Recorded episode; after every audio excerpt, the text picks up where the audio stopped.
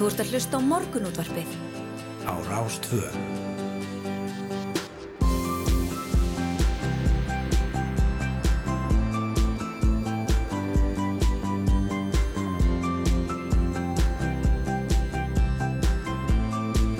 Morgunútvarpið Á Rástvö.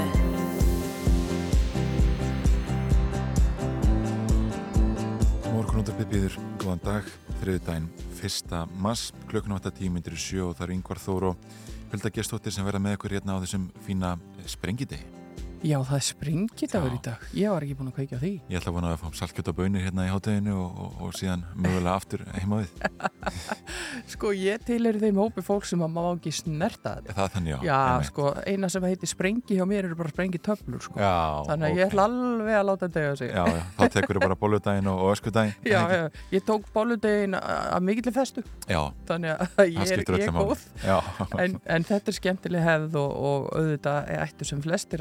að, njóta þess í dag en, en uh, gott ráð sem fylgir svona sprengidags átinu er að drekka mikið vatn í dag já, skóla út saltinu Já, einmitt. Þetta er kannski ekki, ekki mjög holta að borða svona mikið salt. Nei, en þetta er svo sem ekki eitthvað sem fólk er að gera hverjum degi það er Nei, alltaf að lefa sér þetta einstakar sinnum Fólk gerir þetta í lók desember og síðan aftur núna Já. og síðan hérna ekkert mikið meir held ég. það er ekki mikið verið að, hérna, grilla saltkjöt á sömrin þannig að Nei, þetta er dagurinn í dag Já, já. hann með trombi en ákvæmlega þetta er svona skemmtileg vika líka bara hérna til að brjóta upp veturinn. Já, já, Herðan, við ætlum að ræða margt og mikið í, í þættinum í dag. Það var greint frá því hérna á VF Rúf í nótt að, að fremsli hluti gríðar langrar fylkingar rúsneskra herfaratækja er nú komin að Antonov flugvilli nær í kænugarði náttasti hlutin er í bænum Pribisk í 65 km fjölaðið en íbúar höfuborgarinnar ja, búa sundir árásir rúsneskra herja um, í dag eða á næstu dögum. En við ætlum eins og vera að heyra í eh, já, Karli Þormóðsinni hann býr á samt eiginkonu sinni í austurhluta landsins í borginni Sabor Sæja þar sem meira hluti fólks eru rússar og við ætlum að ræða áhrifstriðsins á íbúa þess svæðis en máur hans var einmitt kallaður í úkrænska herin á dögunum. Já, það er náttúrulega verið að kalla alla unga menn uh, inn í herskildu já Við ætlum að, að, reyna að ná í hann í, í síma hér fljótlega eftir uh, sjö. Og við ætlum líka að heyra Mottumars því að nú er það árlega átaka hefjast. Og hún Halla Þorvaldsdóttir ætlar að, segja okkur svo litið af því. Já, já, einmitt.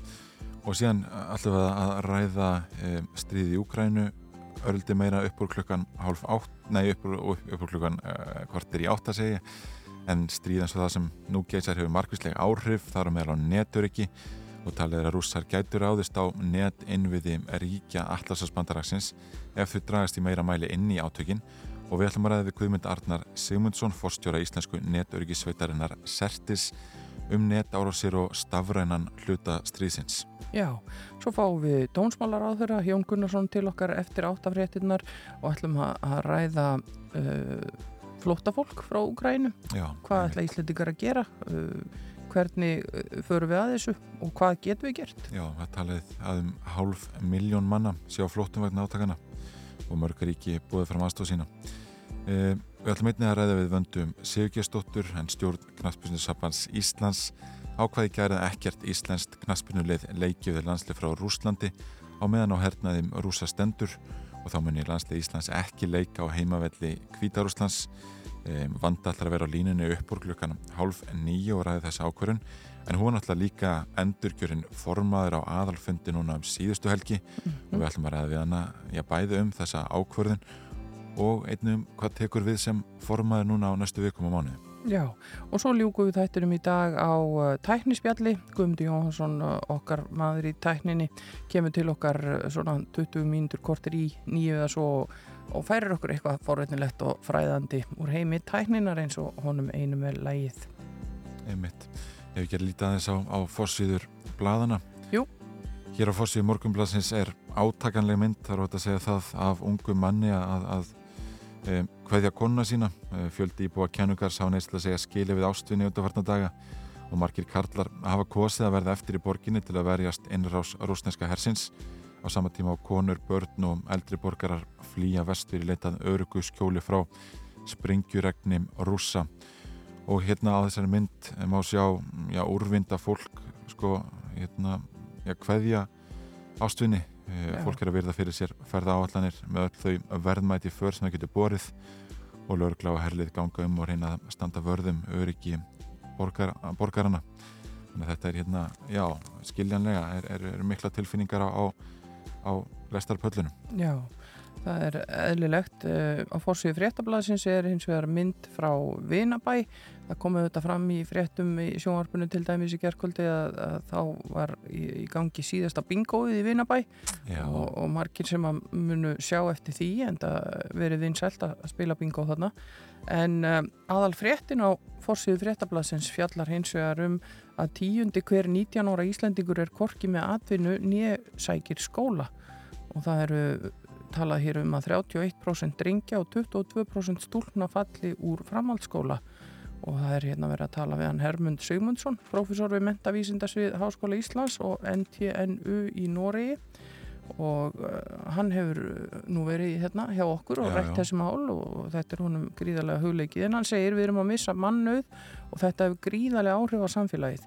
Reiknistæmið er ekki flóki, segir hann.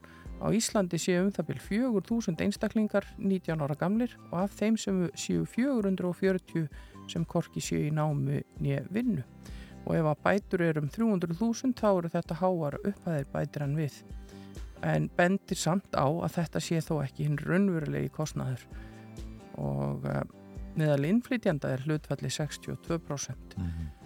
þetta þetta er mjög áhugavert. Já, og mun herra hlutfallið maður bjóst við. Já, svolítið, svolítið sláandi tölur getur við sagt. Já, já, herri, hér á annari síðu morgublansins er grein frá því að, strætó hætti þetta að taka við strætómiðum.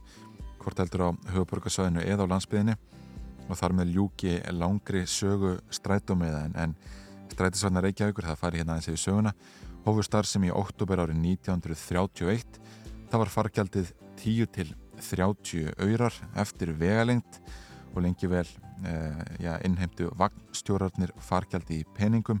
En Hörður Gíslason, sérfræðingur hjá Strætó sem þekkir vel söguna segir að það hafi verið já, tafsamt að taka við fjö frá hverjum farþega og gera sér hann upp í lokvaktar mm -hmm. og upp á 1950 voru teknir í nótkun baugar fyrir fargjöld að frumkvæði um, eins löganæsbræðra eh, hann vann hjá Strætó í 60 ár en hörður tilur að nótkun Strætó miða hafi byrjað um svipa leitu og baugarnir komu og farþegarnir settið á miða eða peninga fyrir fargjaldi í baugins og vakstjórun sá og hann segir hérna að baugurinn var sér íslenskt fyrirbæri Norrlandabúar sem við vorum alltaf í miklu samstarfið voru alveg gáttaðir á þessari snild vakstjórar þar tóku við fargjöldum alveg fram undir síðustu aldamót, segir Já. hörður. Þannig að nú er nú eru breyttir tímar og uh, þeir sem ætla uh, að fara í strætó núna í morgunsárið þeir geta annars vegar borga með já, síma appi eða klappkorti. Þannig að það er hérna verið uh, þetta breytist rætt já, spurning hvort að við erum enn í fóristu, hvort að við Já. erum fyrst til að taka upp þessa, að vera alveg þarna já, já, við einmitt. eftir að, að- sjá það uh, síðar en uh, ágætt að minna fólk á þetta sem er að leggja stað út í daginn og ætla sér að taka stræt og að, nú þýðir ekkert að draga upp gamla góða litla miðan þeir eru úreldir en það er hægt að skipta þeim fyrir innegn á hinar greiðslu leðinar Já, akkurat, einmitt. Og strætó hefur nú gengið í, svona oftast í þessu veðri núna síðustu vikur en við fyrir náttúrulega betri við veður og færð hérna eftir sjöfréttir. En það var svona örlítið mögst að komast út úr staðin í morgun. En þá einhvern veginn. Já, Það er svona, göturnar eru svo, eru svo mjóar eftir, eftir eh, mjög miklu snjókomi. erfiðar aðstæður og svona skorningar og hólur og, og, og vesen þannig að, þetta er ekkit farið við værum alveg til í að fá bullandi rigningu og, og sumar hita hérna í, í svona þrjá-fjóra daga en ég veit ekki hvort það er í kortónum við komumstum að því á eftir Það er eitthvað í vorið, virðist vera. Já, það er ekki alveg, ekki alveg komið en uh, hér framöndan hjá okkur þetta fréttir á slæginu klukkan sjö og þeim loknum komum við aftur inn í morgunútarpið og þá ætlum við að fara yfir með ykkur uh, já, eins og yngvar saði uh, veðrið og færðina og, svona uh, förum svo að hitta á okkar gesti og setja okkur í gang Þú ert að hlusta á morgunútvarpið. á Rástvö.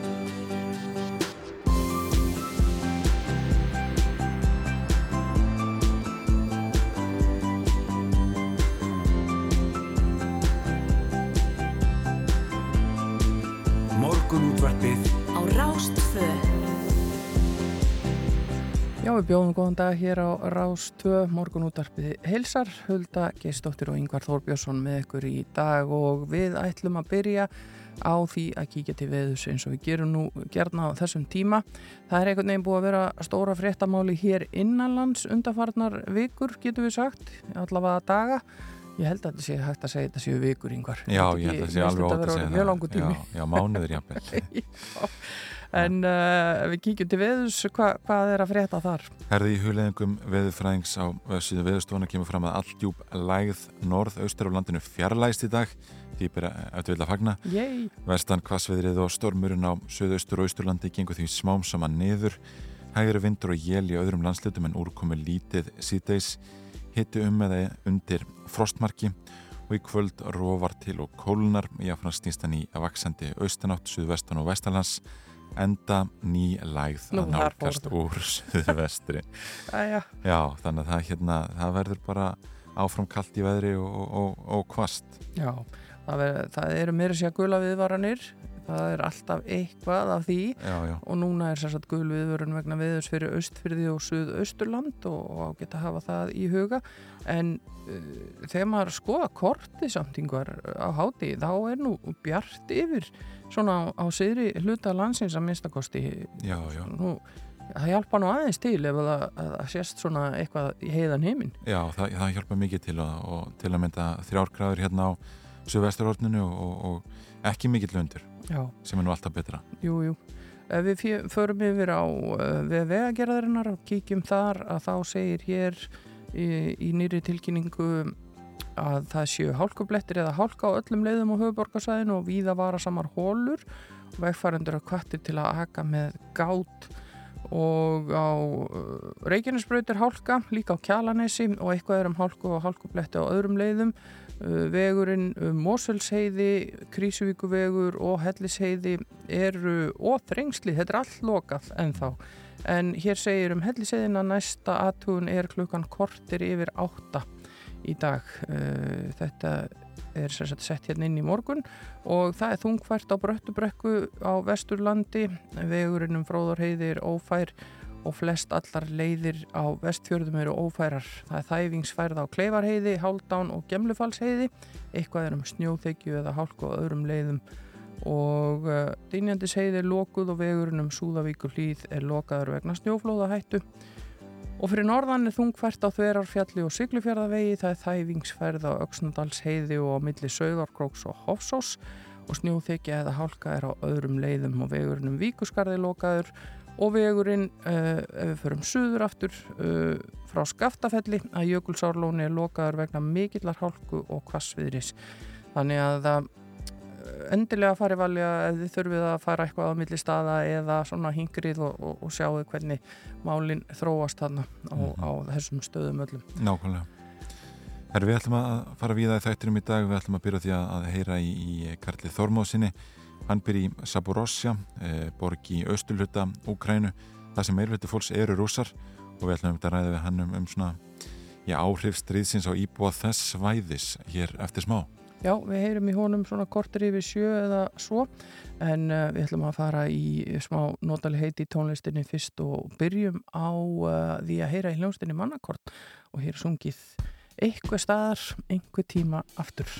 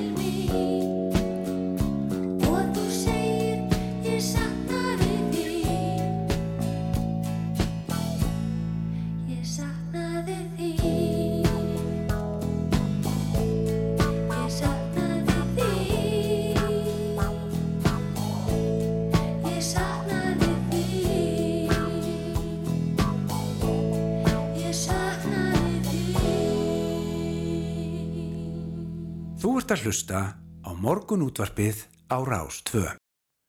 Já, við erum búin að vera að fletta hér í gegnum blöðin og, og, og skoða hérna ímislegt á síðu 2 er, er að því að það er nú móttu massin að byrja, við ætlum að mynda að tala um það á eftir. Það er skemmtileg mynd af fórsetanum, Guðunan T.H. Jóhanni sinni, að klæða sig í fyrsta sokkaparið fyrir móttu mass. Já, Og uh, þeir eru skröðlegir og flotti sokkarnir í ár, uh, vekja alltaf aðtikli, en það er líka skemmtileg frétt hérna, þar næst fyrir neðan, það sem segir íslenskir kennarar flikkjast á velíðuna námskeið Erlu. Og það eru sem sagt 20 pláss á velíðuna námskeið fyrir kennara, náms og starfsákjafa í Danmörku sem að seldust upp á nokkrum klukkustundum. Og það er hún Erla Súsanna Þóristóttir grunnskólakennari og jógakennari sem að heldur þessi námskeið. Og það er bara komið langur byðlisti og hún segir hérna í, í viðtalið við fréttablaði mér finnst kennara stundum hafa svo litið glimst í umræðinni það þarf að fara að byrja að huga þeim þeir geta ekki hjálpað á stutt við krakkana eða þeir hafi ekki orku til að gefa af sér segir Erla mm og uh, Já það er er, það er óvægt að segja það að álæði hafi verið mikið á, á kennara í þessum faraldri. Já, og hún gekk, hefur gengið með í, í maganum eitthvað í þessari mynd tölvert lengi, segir hún. Og námskeiði fer fram á Inspiration Center á Suðusjálandi í Danmörku sem að íslensk hjón eiga og reka og ætlunin er að kennarin fari inn í kennsluárið með töfrakistu fulla verkfærum fyrir sig og nefnendur. Þetta hljóma vel. Já, það hljómar ekki illa að fara í, í, í svona námskiða á, á sjálandi sko. Nei, segðu. Það er hérna að þess að koma sér líka út fyrir landstinnana. Já, þetta, ég, ég trúi því alveg að það sé ásókn í þetta og, og ég, miða við þetta þá mun hún ábygglega halda áfram að, að bjóða upp á þessi námskið. Já. En uh, við ætlum að ringja til Úkrænu uh, hér næst og, og uh, fá fréttir frá heima fólki þar.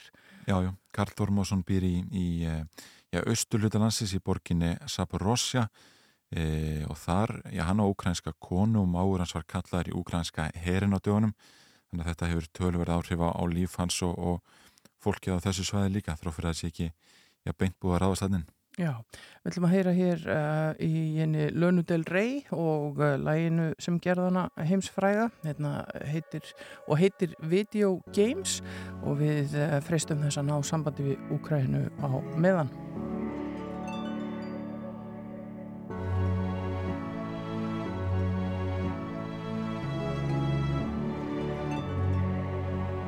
The backyard, pull up in your fast car, whistling my name. Open up a beer and you say, Get over here and play a video game. I'm in his favorite sundress, watching me get undressed, take that body downtown. I say you the bestest, leaning for a big kiss, put his favorite perfume on, play a video game. It's you, it's you, it's all for you. Everything I do, I tell you all the time. Heaven is a place on earth with you. Tell me all the things you wanna do. I heard that you like the bad girls, honey. Is that true? It's better than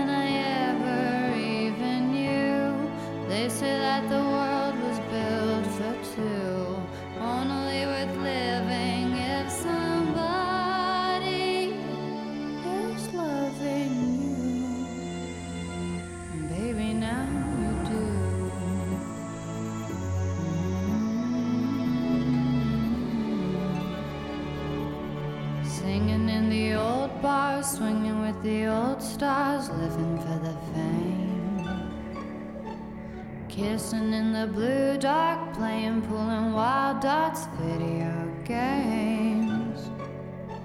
He holds me in his big arms, drunk, and I am seeing stars. This is all I think of. Watching all our friends fall in and out of old clothes. This is my idea of fun. Playing video games. It's you, it's you, it's all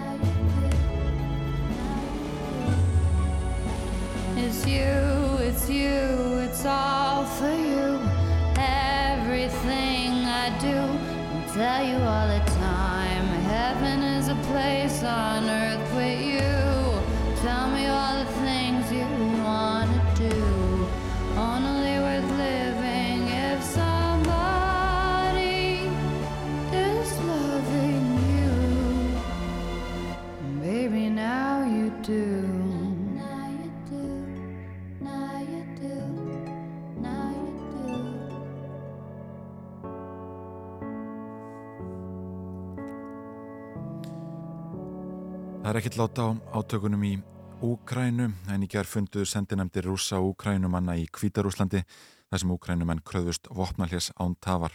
En Karl Þormóðsson sem býr ásamt eiginkonu sinni í austurhutalansis í borginni Saborosja eh, er komin á línuna. Góðan daginn, Karl. Góðan daginn. Hver er staðan hjá ykkur núna?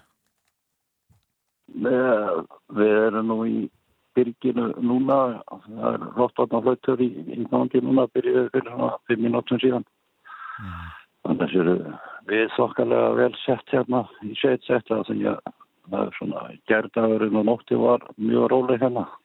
Já, sko e, e, loftvarna, loftvarnarflautan ringir fyrir hvað fimm mínútum og hvað tekur þá við hjá ykkur? Hvar er þetta skíli?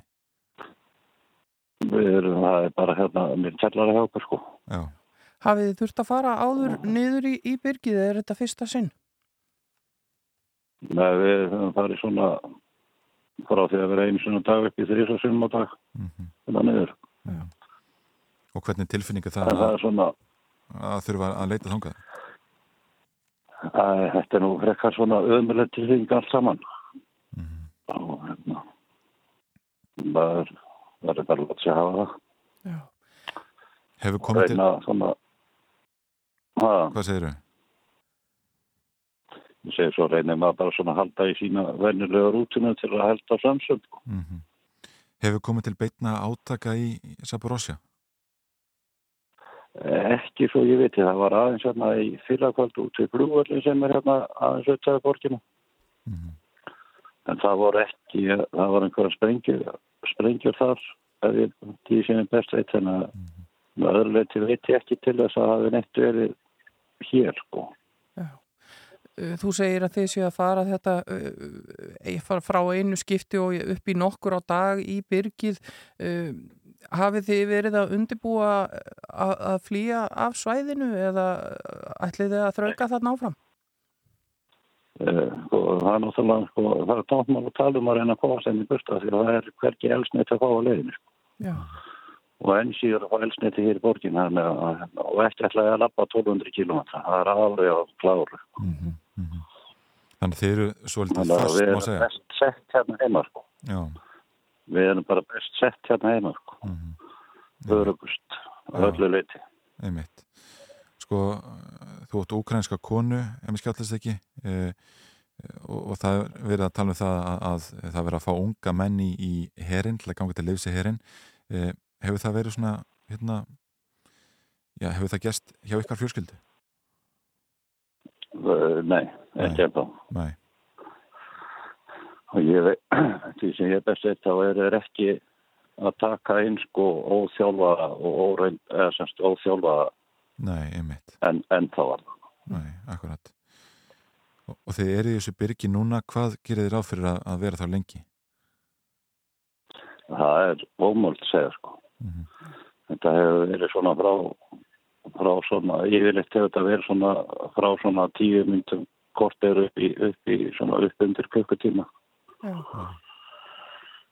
en það á sjálfsagt eftir að vesna svona þegar líður á það þessi þennan djöfurgang sko að því að eins og segir þeir hafa lítið verið að hafa sig fram í hérna Já, einmitt. Sko, en þá. já, já, akkurat, akkurat. En eru þið með mat og annað slíkt á í byrkinu?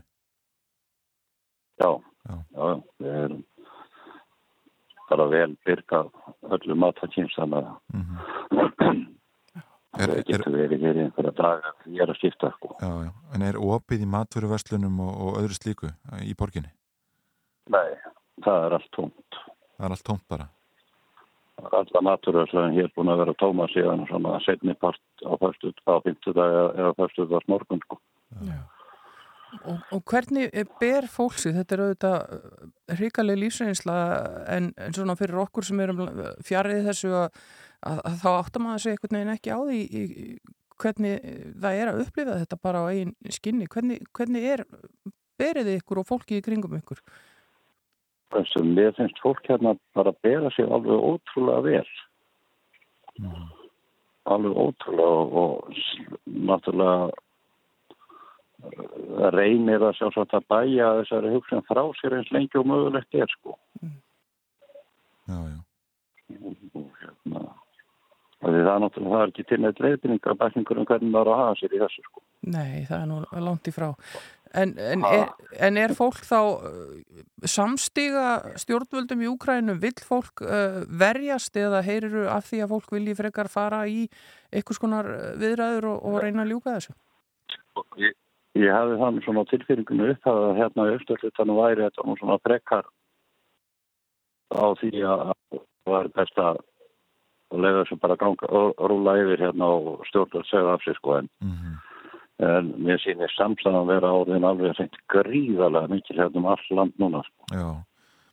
En það er þó talsvert um að halda áfram að Já, já. hörju Eh, eh, Sko talsvert eh, í, í um, Saborasja, þar er tölvert af rúsum samt sem aður eða ekki? Jú, þetta austurlutin er náttúrulega miklu leiti byggður upp af svona annara kynslu á rúsum sko. Mm en, en það fólk er, að- er að einhverju leiti já, frekar til í að, að, að eh, já, vera, vera undir Úkrænu en Rúslandi? Já, mér, sí, mér sýnist það árið sko og fórsetin hérna, hann náttúrulega, hann var ekki hátt skrifaður hérna fyrir en hann er svona hann að nálgast að vera komin í dýlingatölu hérna sko. Já. Ha- Hans framganga hefur ekki mikla aðdegli. Alveg ótrúlegur, alveg ótrúlegur maður orðin sko. Já. En hvernig er svona bara daglegt líf hjá þér núna á meðan að þessum átökum stendur? Þið haldið ykkur vantilega bara heima fyrir og, og, og, og hérna vonið það besta? Já, og maður svona reynir að halda svona bara í þessar þessar hérna daglu venjur sínar til þess að ég bara þá er maður kannski ekki að hugsa eins mikið um þetta og hérna og reyna að halda sansum og og ég segi, maður er náttúrulega bara sveitast ráka frá Íslandum, maður, maður kann ekki að hafa sér í þessu sko. Já. Þú hefur aldrei, hefur nú aldrei getað látið þetta í huga það, þú ættir eftir að lendi þessari aðstöðu. Nei, það er nokkuð örugt sko. það kvarlaði ekki að manni það kvarlaði ekki að mér þegar ég kom yngar skust hérna yfir í, í viku til tíu daga núna í februar byrjun sko Já. svo bara verkefni sem var í tafist að langi þannig að ég ákvað að vera hérna heila til að ég þetta hoppa yfir áttu í vinnu en ég er svo sem óskup fegin því að vera þá hérna heima hjá familíinu hérna sko Já. Mhm. Já, það hefði verið er kannski mjög erfitt að vera að- Já, að- það hefði getað verið erfitt að vera fjarrir núna Já, ég held að það hefði verið verra fyrir mig allavega. Já, Einmitt. Sko það hefur náttúrulega verið tölverið talað um það núna síðustu daga að, að Pútín hafi virkað þá hersveit sem sér um kjarnorkuvopnin. Hvernig líður íbúum Úkrænu þegar það heyri þær fréttir? Ég held nú svona almennt að þá hefur nú fólk kannski ekki trúið að því að það veri mikið notað sko. Nei. En það náttúrulega eru líka einhverja, einhverja önnu vopningur settur en, heldur en bara kjarnorkuvop sem eru tilheyra þessari til þannig að Og, og hvernig fáið þið sko helstu tíðindi af, af því sem er að gerast? Er, eru þið með kveitt á sjónvarpinu allan daginn og útvarpinu og, og fáið þetta frá eh, sko úkrænsku með alþjóðlegum fjölmunum? Hvernig berast tíðindin til ykkar? Já, já, það er náttúrulega útvarp og, og, og, hérna, og sjóvarp og, og hérna, við erum bæði með erlendar og, og innlendar svona upplýsingar sko. Ég er náttúrulega fylgist aðalega með íslenskum miðlunum og ég skil íslenskuna best sko. Mhm. Og hérna, en svona, jú, jú, það er svona begja blad að reyna að fylgjast með eins miklu og safna sér eins miklu með upplýsingum og hægt er sko. Já, já. Og hvað tekum við hjá ykkur í dag? það verður bara þessi venjulega byð sem er búin að þetta er bara svona eins og hver annar dagur undarvartna dag að vera að klára að stökka í byrgi og og hérna og meðan að friður og rói þá reyna að halda þar okkar vennulegu rútinu og, og tróði í sér mat þannig að það er ekki kannski vera já, Mhm. það er að hérna elda hérna neyri sko eða ég tek að Já, Já, já. Karl Þormásson, þetta fyrir að þess að að, já, já, ekki að vona að þetta fara allt vel og láta það vera lokkórinn hjá okkur. jú, jú Karl Þormásson í Saborosja í Úkrænum, þakkaði fyrir að vera á línunni hjá okkur og, og ganga okkur vel. já, gangi, takk, takk gangi ykkur kja- virkilega vel. Takk kærlega fyrir að, að vera á línunni hjá okkur og segja okkur frá aðstæðum þarna. Bless, bless. Já, það er erfitt að ímynda sér það að þurfa að leita í svona uh, byrgi. Þetta er okkur Íslendingu svo fjarlagt. Já, þetta er bara raunveruleiki sem að, og eins og hann saði sjálfur, bara íslenskur sveita maður sem hefði aldrei látið sér dett í huga nætt eftir að upplifa neitt þessu líkt. Nei. En hér næst á fónin, uh, Eddie Vedder og lag sem heitir Brother the Cloud.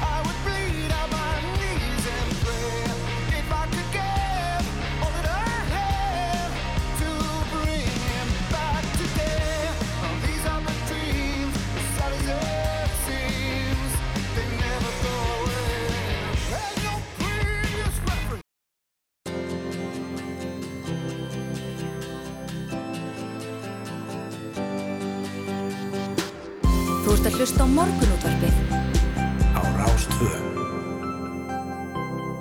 Áfram höldum við í morgunútvarpinu hér á Rás 2 og í dag er fyrsti mars og uh, mars er löngu hættur að vera bara mars hér á Íslandi því að hann er mótumars. Þetta er mótamars, já, já, það er eins og flesti vita þetta árlegt áruvertni og, og fjáröflunar átak krabbaminsfélagsins sem er tilengað baróttinni gegn krabbameinum í körlum og Halla Þorvaldsdóttir, framkvæmdastjóri félagsins er komin ykkur til okkar, góðan daginn. Góðan daginn. Sko mótumars, þetta er náttúrulega, það verður að vekja aðtigli e, á því hvað við getum gert til að koma í veg fyrir eða, eða átt okkur fyrr á því einhverjum enginum krabbameins. Já, já, það er fókusin hjá okkur í ár og, og uh, það kemur nú uh, einmitt til af því að við gerðum stóra rannsókn hjá Krafninsfélaginu þar sem að komi ljós að karlar leita mun setna til læknis heldur en konur Mhm.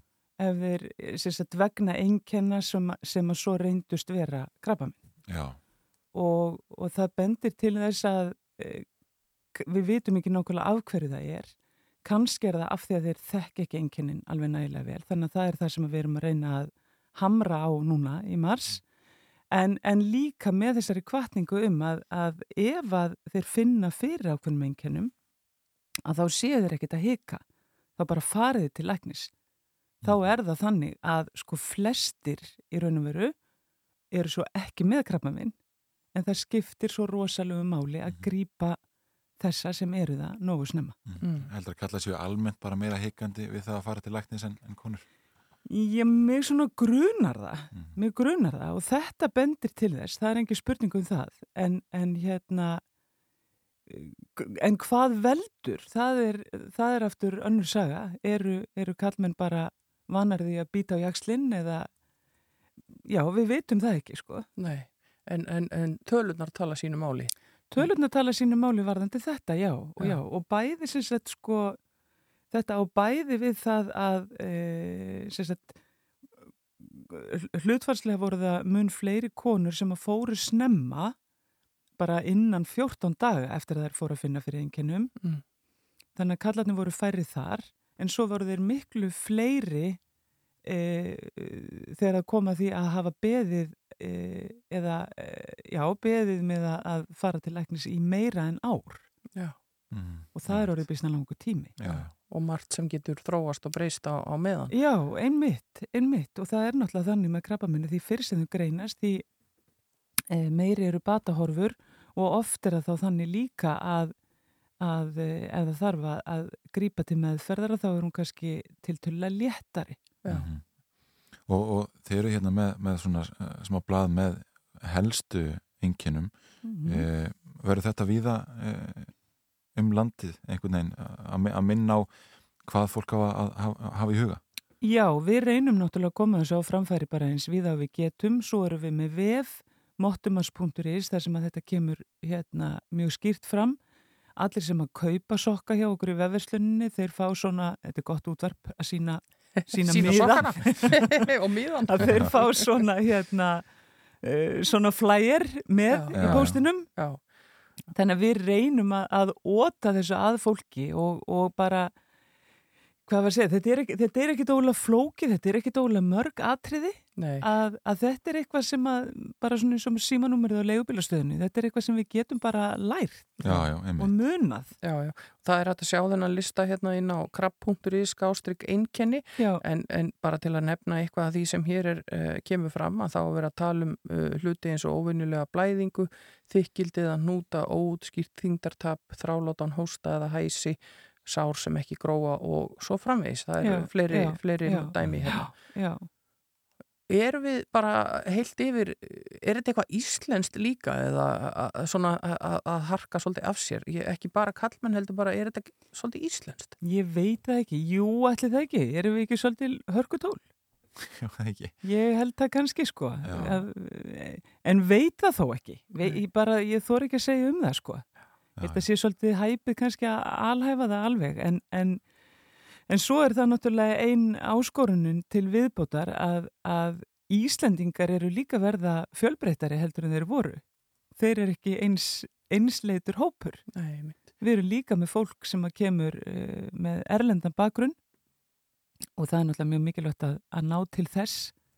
Það þarf að koma upplýsingum til, til, Til þeirra allra. líka og, og, og allt það þannig að já, við, við þurfum bara að læra þetta það er bara þannig Já. já, já, einmitt En nú hefur reynd á heilbreyðiskerfið að- frá öllum hliðum í þessum heimsfaraldri. Hvernig er staðan núna í þjónustu gagvart uh, krabbamennsjúkum? Þetta þjónustan sé almennt sko góð og mjög góð í raun og veru ef við hugsum um sko uh, sem sagt uh, það sem heilbrið starfsfólkið okkar er að gera fyrir þá sem eru veikir. Mm. Uh, það, er ekki, það er ekki algengt að þessi kvartað yfir þjónustu. En aðstæðan hins vegar er, uh, ég leiði mér að segja, óbóðleg og eh, ekki síst á deildinni þar sem að langsamlega flestir fá sína liða meðferð. Mm. Það er mál sem við hjá félaginu höfum verið að reyna að þrýsta mjög áum og, og uh, meiri sér gengum svo langt á aðalfundi í mæsíðaslinum að þar var tekin ákvörðun um að félagi væri tilbúið til þess að veita uh, alltaf 450 miljónum til að byggja nýja slíka deild því að hún er löngu sprungin Mm. og, og algjörlega ósættanlega aðstæða fyrir bæði þá sem að njóta þjónustunnar og starfsfólkið. Mm. Það má kannski segja að um, þetta ástand sem hefur verið núna síðastliðin tvö ár, það hefur auðvitað e, gert mjög margt erfitt fyrir þá sem að hafa þurft að sko liggja inn á spítalanum, til dæmis hefur þetta verið mjög erfið tími því að það hefur verið heimsókna bann Mhm. e, í langan tíma og það er náttúrulega bara e, skelvileg staða einfallega, það er e, maður verður bara mjög, mjög hryggur e, af, að, af að hugsa um það og allir sem að hafa reynd e, vita að það er alveg skelvilt þannig að vonandi horfir það til bóta. En, en eins og inn á þessari deil, dagdeildinni þar sem að fólki fær lifja meðferð um, þar er til dæmis bara ekki plás fyrir aðstandendur. Ef þeir koma með fólkinu sínu til að, sem er að fá þar meðferð sem að er það sem að fólk er hvað til Mhm. af því að aðstandendur gegna mjög miklu hlutverki auðvitað, í, í, í meðferð og taka við þeim sem er að fá meðferð þegar þeir eru búnir sinna þeim heima í kannski 34 vikur þannig að þeir þurfa að vera e, virkir þáttakandur Já. að þeir eru í raun og veru bara fyrir Já, eins og staðan er núna. Já, og, og því miður að þá eru engin áformum breytingar. Það er ekkert sem liggur fyrir. Nei, einmitt. En, en sko taldi það sem betur um að fara í þessum efnum, sko þegar náttúrulega líka oft talað um, um sko skimanundnar fyrir ristil og, og endaþarfskrabbaminni. Já, Er, er, er, er einhverjar fréttir þar? sko það eru þær fréttir að uh, það er vist búið að ráða starfsmann til heilsugjastlunar, til samhæfingastöður um krabbaminni skimanir sem að er ætlað að halda utanum þetta verkefni. Mhm. Það er að að- skima fyrir þessu? Já, þessu já, já, þannig að það eru þetta framfara skref Mm. en sko um, þetta eru þetta verkefni sem er búið að dragast og dragast og dragast og dragast og það er það er bara mjög alvarlegt mál því að þetta raunverulega er er skimun, er þjónusta sem að getur bjargað eh, 6-10 mannslífum Mm. ári og, og þarna eh, hafa því miður lappirnar verið dregnar hér á landi allt, allt og lengi og ég veit ekki, við eh, spyrjum nú reglulega hvernig hérna, þessu vindi fram svörin eru mjög óskýr uh, og ég, ég vona sannlega að, að við heyrum meira af þessu þessu ári Mm. en, en það verða aðrir að svara fyrir það en Mm. þetta er mjög brínt að koma þessu á. Og þar er auðvitað um skimun að ræða sem að e, það sem er verið að, að hérna e, þjónusta bæði kalla á konur. Mm Nú, Móttumás er eh, farin af stað og þið eru að að selja þessa flottu sokka hérna Já, sem að ég var einmitt að tala um að mynd hérna fórsetanum að klæða sig í sokka Einmitt, í fréttablaðinu einmitt, morgun. einmitt. Uh, er, er einhverjar fleiri leiðir til að styrkja átakið heldur en að kaupa sokkapar? Já, já, þær eru ótalmargar og við njótum nú hérna samstarfs við mörg fyrirtæki til dæmis. Það eru ímins fyrirtæki sem að láta hluta af, af hérna e, sinni vinnu eða sinni sölu renna til félagsins e, Mhm. í mars. Já. Svo er móttu keppni. Já, það er móttu kefni. Það er móttu keppni, hún hérna, hún er aðeins öðruvísi núna heldur en hún hefur verið e, stundum áður af því að hún er svona, hvað var að segja, e, hún er farin að reka sér svolítið sjálf. Já. Það er, uh, hún, hún sprettur upp af sjálfu sér á vinnustöðum og víða og, og við vorum með þetta að, að opna nýjan vef þar sem að hérna, uh, þar sem að eh, fólk getur í raun og veru, hvað við segja, stopnað sína eigin styrtar síðu. -hmm. Það er svolítið skemmtilegt og, og, og þar, sagt, þar er hægt að nota móttunar Mm -hmm. en það er auðvitað hægt að gera bara allt mögulegt annað þar sem að fólki dettur í hug Já, hvort sem að það er til þess að hérna, gera eitthvað í minningu einhvers eða, eða til að sína stuðning. Já, já. Og þetta- hér eru alls konar vörur líka í já, það eru hérna já, já, já, slaufur og, og bollar og, og, já, og og hvað já, er já, já, já, já. Við erum með frábæra vefverslun með mjög fallegum vörum sem að höfða til flestra. Og í, í hérna mars og oktober að þá hérna færi þessi vefverslun svona sérstakann blæ. Nú eru það skeggvörur og, og, og emitt hálstau og, og svona. allt þess, þessu lítið Já, og svo er það Mottumas filterinn á Instagram sem hægt er að, prófa líka akkurat, Þannig að akkurat. við getum öll verið með, með skegg Það er hægt að vera með skegg í mars, sko. Það Já. er hérna við erum að prófa, prófa þetta endilega, endilega. Takk fyrir að kíkja til okkar Halla Þorvaldsdóttir frangatastjóri Krabbmeinsfélagsins og, og fara aðeins yfir þetta með okkur og við be- bendum fólki líka á síðurnar eh, bæði krabb.is og mottumas.is þar er ímsar fleiri upplýsingar að finna. Takk kærlega fyrir að koma. Takk fyrir mig.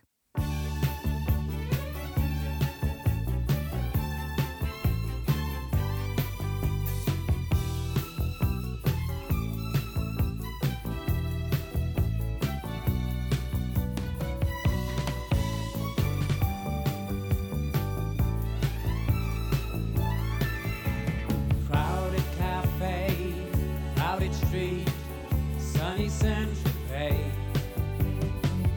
Pretty girl, all alone, she likes it best that way. Pays a bill, leaves a table, what he makes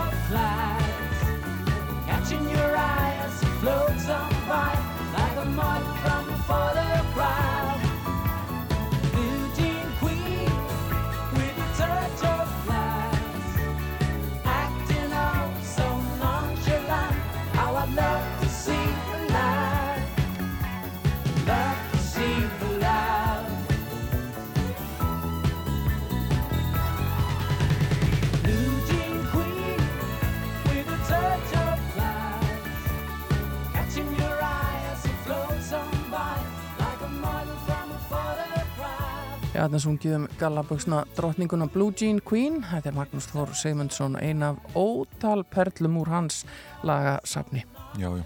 Við ætlum að halda áfram að ræða ástandi í Úkrænu en stríð eins og það sem nú gesar hefur margvíslega áhrif þar á meðal á netöryggi og talið er að rússar gætu ráðust á net innviði ríkja allarsasbandalagsins ef þau dræðist í meira mæli inn í átökin og Guðmundur Arnar Sigmundsson, fórstjóri íslensku netörgisveitarinnar Sertis er komin á línuna, góðan daginn.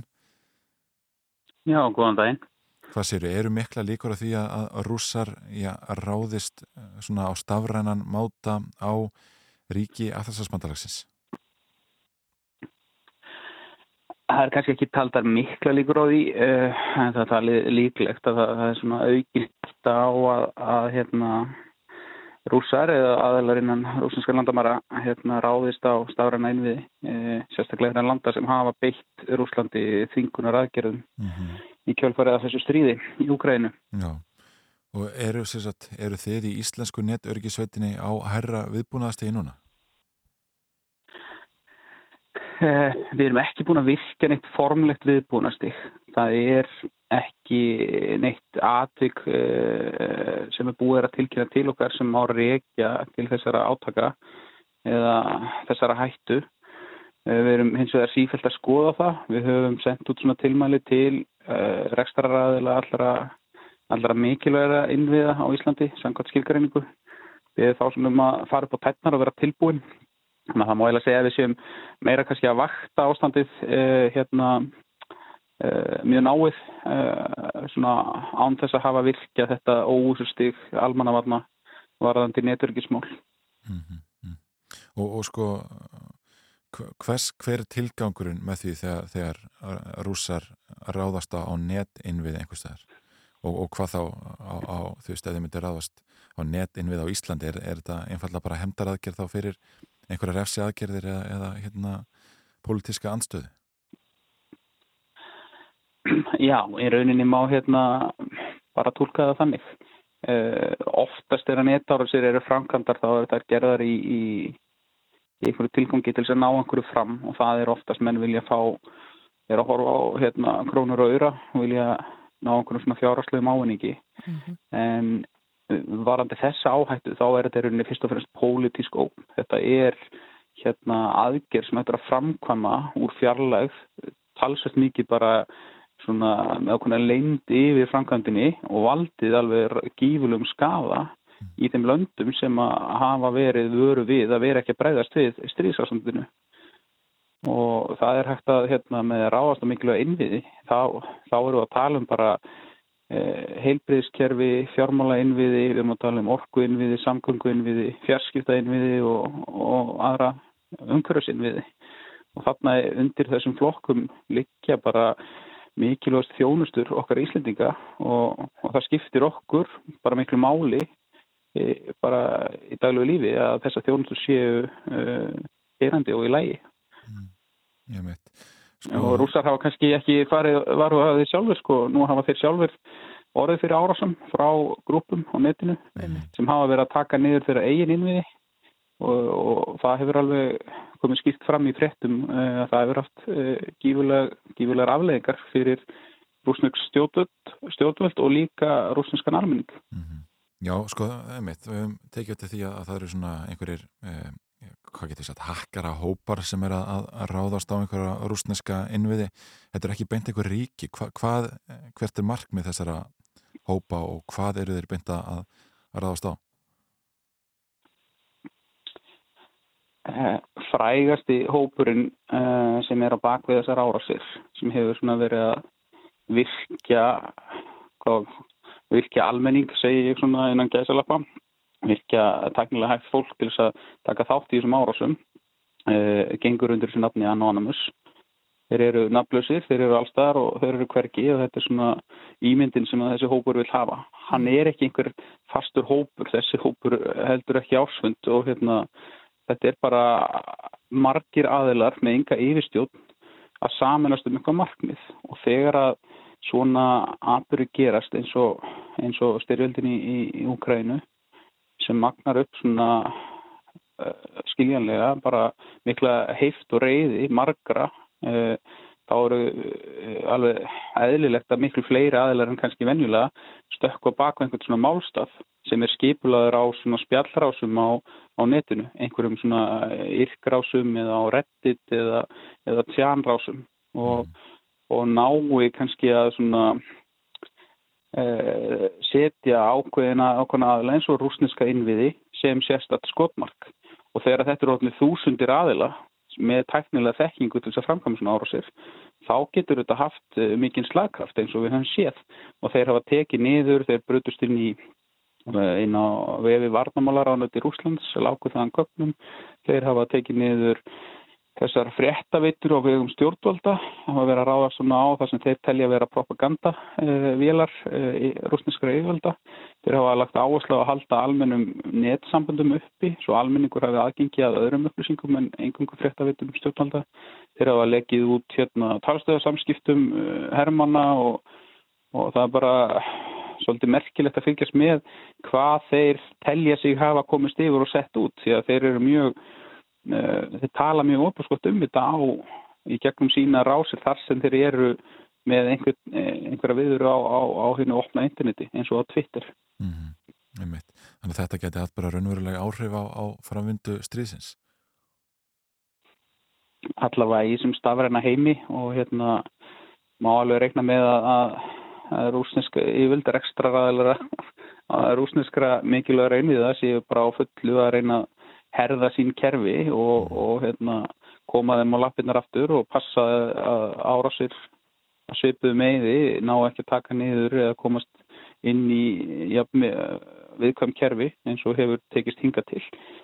Sem er það sem við erum svolítið að brína fyrir kannski hérna innanlands í okkur á Íslandi og, og, og nákvæmnar ekki okkar kollegar, kollegar okkar ellendis eru allir í, í hérna í, þessum sömu pælingum að við þurfum bara að vera svolítið á tánum. Það er búið að skrifa alla þessa viðbrasferðla, hvernig á bregðast við hinn og þessu kerfin eru sett upp samkvæmt e, réttri hönnun og högun og það er búið að rýna það og votta þetta og þetta tekið útreglulega og framkvæmdar æfingar og það er bara gott að vera svona nýbúin að fara yfir þetta. Hvað ætlar, ætlar aðeinar að gera ef þeir verða varir við e, árásir. Við... Og kannski frá mínum bæður séð fyrir ekki í, í neturikisveitinni og mjög mikilvægt að e, við hjá, hjá Seltís fáum bara upplýsingar um e, allar gerðir árasa í rauninni óhag hversu stórar eða litlar er séu því að við erum í þessu svona þessu miðlega hlutverki að geta í rauninni samhæft upplýsingar sem við fáum voru þær saman við upplýsingar sem við fáum annar staða frá, bæði innanlands og erlendis og, og það flýti fyrir því að greina kannski hvort að árásin sé uppbrunnin undan erlendu ríki eða ekki. Því að það, það, það gjör breytir eh, í rauninni hvernig við politist eh, tökum á því máli. Af því að við vinnum þetta í nánu samstarfi með, með hérna, utanrikkisráðanetinu og, og, og ríkislauglustjóra. Nákvæmlega. Guðmundur Arnar Simonsson, fórstjóri Íslensku netörgisveitarinnar Sertis, Sertis þakkaði fyrir að vera á línni. Takk fyrir.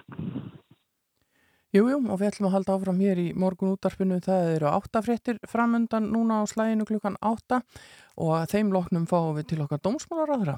Já, við ætlum að ræða við hann um, um já, þennan flottamannaströym sem kemur núna frá Úkrænu. Það talaðum að hálf miljón manna sé á flottum vegna átakana. Já og hvernig ætlum við Íslendingar að takast á við það verkefni og hvað ætlum við að leggja til? Við ræðum það við Jón Gunnarsson hér á eftir, svo er það uh, Vanda Sigurgistóttir og, og það er tæknihotn og ímislegt fleira hjá okkur þannig að við höldum spræk áfram að loknum fréttum klukkan átta. Þú ert að hlusta á morgunútvarpið á Rástvöð.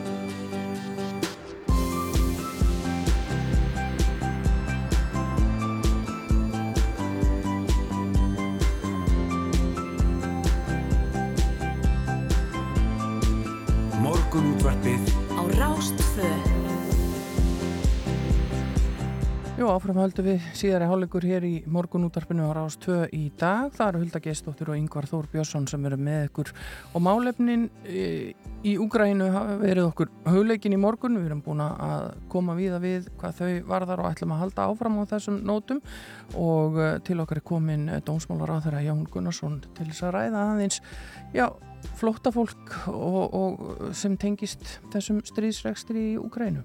Já, nákvæmlega, góðan daginn, Jón. Já, góðan dag. Það talaði um hálf miljón manna sé á flóttum vegna þessar átaka. Hvernig ætlu við já, Íslendingar að, að bregðast við þessu ástandi? Já, sko, í fyrsta lagi þá auðvitað eru þessar tölur bara að vaksa frá degi til dags, Mm. sko. Stuð síðan voru 100.000 og eru konur í halva miljón og ég var nú einmitt að koma núna til landsins í gær á sunnudaginn með ráðherrum uh, Europalandana sem fara með landamaramál og uh, þar var þetta auðvitað mikið til umræðu. Uh, hvernig við bregðumst við þessu? Fyrsta bylgjan er auðvitað lendir mjög á þessum landamararíkjum eins og Pólandi og Ungarilandi og, og fleirum þarna ríkjum sem að, sem að fólki leitar til og það er þegar byrjað að skipulegja heilmikla aðstók akkvar þeim löndum bara til þess að takast á við vandan og það er margt sem að þarf að líta til. Við erum til að mynda núna búin að skoða og setja í ganga alla skoðun og okkar alvanavarna kerfi í tengslum við það. Hvaða búna við mögulega getum sendt mögulega mannskap til þess að aðstóða þessa þjóðir í að glíma við vandamálun á staðnum. Og uh, svo vinna er eins og ég segi þegar komin í gang og við munum vera fulli þáttakandur í þessu samstarfi ríkja uh, Evrópuríkjana og það er gríðarlega mikil og góð samstaða og samhljómur millir allra landa í þessu og uh, það er búið að virkja uh, sko kerfi í Evrópu sem að þessu snúa sem að við erum þá beinið þáttakandur af síðan kemur auðvitað að því að við munum þurfa að, að fara að taka á móti fólki frá Úkræðinu og við þurfum að hefja skipulagningu á því hvernig við ætlum að takast á við þann vanda, við munum vinna það þetta bara allt í samvinnu við okkar bandalagsþjóðir. Og uh, þetta fólk mun dreifast víða. Það er reyndar þegar farið að bera á því að fólk frá Úkræðinu farið að koma til landsins. Það er það fólk sem ágætna kannski ættingja hér eða, eða vini sem að það er þá að koma. Einhverjir komu um helgina þannig uh, að mér skilst ég að vel einhverju ég á reyndar eftir að fá þessa tölur staðfestar og hér er alla dyr opnar fyrir þessu fólki að sjálfsögðu og, og hérna við tökum að móti þeim uh, og munum taka þátt í þessu bara fullum þunga. En það er bara mikilvægt að við vinnum það í, í eins og ég segi í, í þessari samvinnu við aðra þjóðir. Og uh, þar er verið að ávarpa þessi mál núna á hverju meinasta degi og ég var á þessum fundi á sunnudaginn og ég er að fara aftur út á morgun til þess að eiga annan fund með þessum ráðurahópi á fymtudaginn og þar gerir ég ráð fyrir að við verum komin heldur lengra í því að geta svona greint frá því uh, og menn uh, greint frá því hvernig við að breyðast við, hvað menn að gera og, og hérna, eða þjóðir að gera og kannski ekki síst svona í hvað stefnir sko. Þú talar um að hér standi allar dyr opnar, hafið þið eitthvað skoðað eitthvað tölur, eitthvað fjölda í því samhengi? Nei, er ekki, þetta er ekki komið þangað og uh, ég gerir ráð fyrir því að, að sko, eins og ég segi það er allar dyr opnar fyrir þá sem að koma hingað núna frá uh, frá Úgrænu veist, og við, við tökum á móti þeim en þessi skipulagða uh, þetta skipulagða hjálparstarf að það uh, er verið að reyna að ná utan um það og við erum bara fullið þáttakendur í því.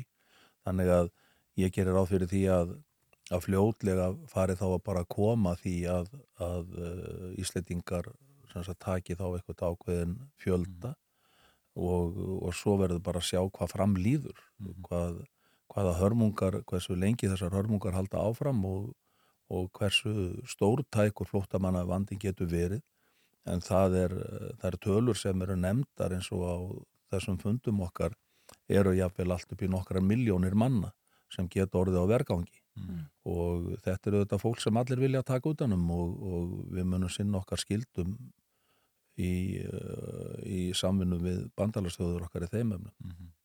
Við séum myndefni frá, já, til að mynda landamæðurum Úkræn og Pólans, það sem fjöldi fólk stendur í, í drullisvaði og þarf að býða í langan tíma eftir því að komast inn í Póland það lítur að skipta öllu máli að, að hafa hraðar hendur til að prestu þessu ástandi. Já, þess vegna eru við meðal annars að skoða sko, hvað við getum gert uh, Íslendingar uh, af okkar starðagráðu auðvitað til þess að uh, koma þá með framlagin í það að standa við baki á þessum þjóðum sem að standa í alllínunni. Þessar þjóðir hafa verið að standa sig mjög vel. Það er búið að það er búið að draga úr öllum sko, öllu eftirliti eðlilega það er engar, engar COVID-skoðanir eða allt þetta, það er búið að reyðja öllu svona mm -hmm. praktiskum hlutum úr vegi til þess að reyna að greiða leið þessa fólks eins og besturur og korsið en það er ekki hægt að horfa fram hjá því og það er, var ávarpað á nokkuð mörgum fullrúin nokkura margra landa á þessum fundu okkar um helgina að, að fólk gerir sér líka, menn gerir sér líka grein fyrir því að það verður að vera eftirlit, menn hafa áhyggjur af því að óbrútnir aðilar muni nýta sér þetta ástand og reyna að komast inn til Evrópu Mm. með þá uh, annan tilgang í huga heldur en, heldur en þetta fólk sem er að flýja hörmungarnar í Úkræðinu Mm. og þannig að það er líka verið að reyna að halda vel utanum þetta og ná utanum þetta og ég hugsa að það sé svona, man, man, ég skildi það svona, það er það sem er að tefja kannski uh, einhverju leiti förina yfir að menn eru þó að reyna að beita því fólk er ekki að koma endilega með vegabrif eða skilríkin, það þarf þá að taka fingrafur og það þarf svona að halda utanum skráningar á þessu, það er, það er svona stóra verkefnið og þarna gætum við mögulega með landabæravörðum eða hjálparliði veitt einhver aðstóð líka og það er allt í skoða. Mm. En er það raunverulega líklegt að óbrútnir aðilar komið sér inn í, í ríki það sem er stríð til að komast inn í Európu? Já, þeir geta hafa verið í ríkinu fyrir þessuna, maður veit ekki um það, sko, en ég er bara að segja það að, að það voru fulltrúar nokkuð margar þjóða sem að lístu yfir áhyggjum á þessu. Já, einmitt. Þannig að þetta er svona það sem að þarf að skoða líka, það er, það er mörgu að higgja. Já, þingmaður samfélkingarinnar talaði það í gær, ég talaði um að málflutningu þinn væri með öllu óbóðulegur þegar við sætlu þessa að, já, að lístir ástandinu hjá útlendingastofnun sem lístir meðal annars í því að flottamenn sem eru hér fyrir teppi húsnæði og aðstöðu fyrir aðra sem myndum vilja taka á móti. Eh, hún talaði um það að, að það var raun og verið að nota stuðning við flottafólk frá Úkaranu, kannski einhver leiti til að grafa undan öðru flottafólki, er Já. það staðan? Ég hef heyrt þarna málflutning sko, hann er náttúrulega algjörlega lausulofti gripin sko. Uh, ég nefni þetta auðvitað í tengslu við þessa umræðu. Alveg óskilt í að við munum að sjálfsögðu standa allar okkar skildur kakvart þessu blessaða fólki frá Úgræinu og veita þeim alla þá aðstóð sem við mögulega getum veitt. Uh, það stendur, bursið frá öllu öðru.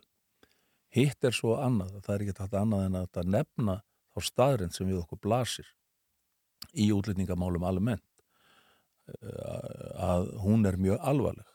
Ríkislauruglustjóri setti viðbúnaðarstegu upp á óvissustegu á landamærunum vegna þeirra mála áður en þessi flóttamannavandi fór að byrtast okkur frá Úgræðinu og nokkrum dögum áður og ekki af því tilefni heldur af, af, því, af því ástandi sem er á landamærunum. Hinga komu 50 og þrýr hælisleitendur og leituð ásjári í janúar.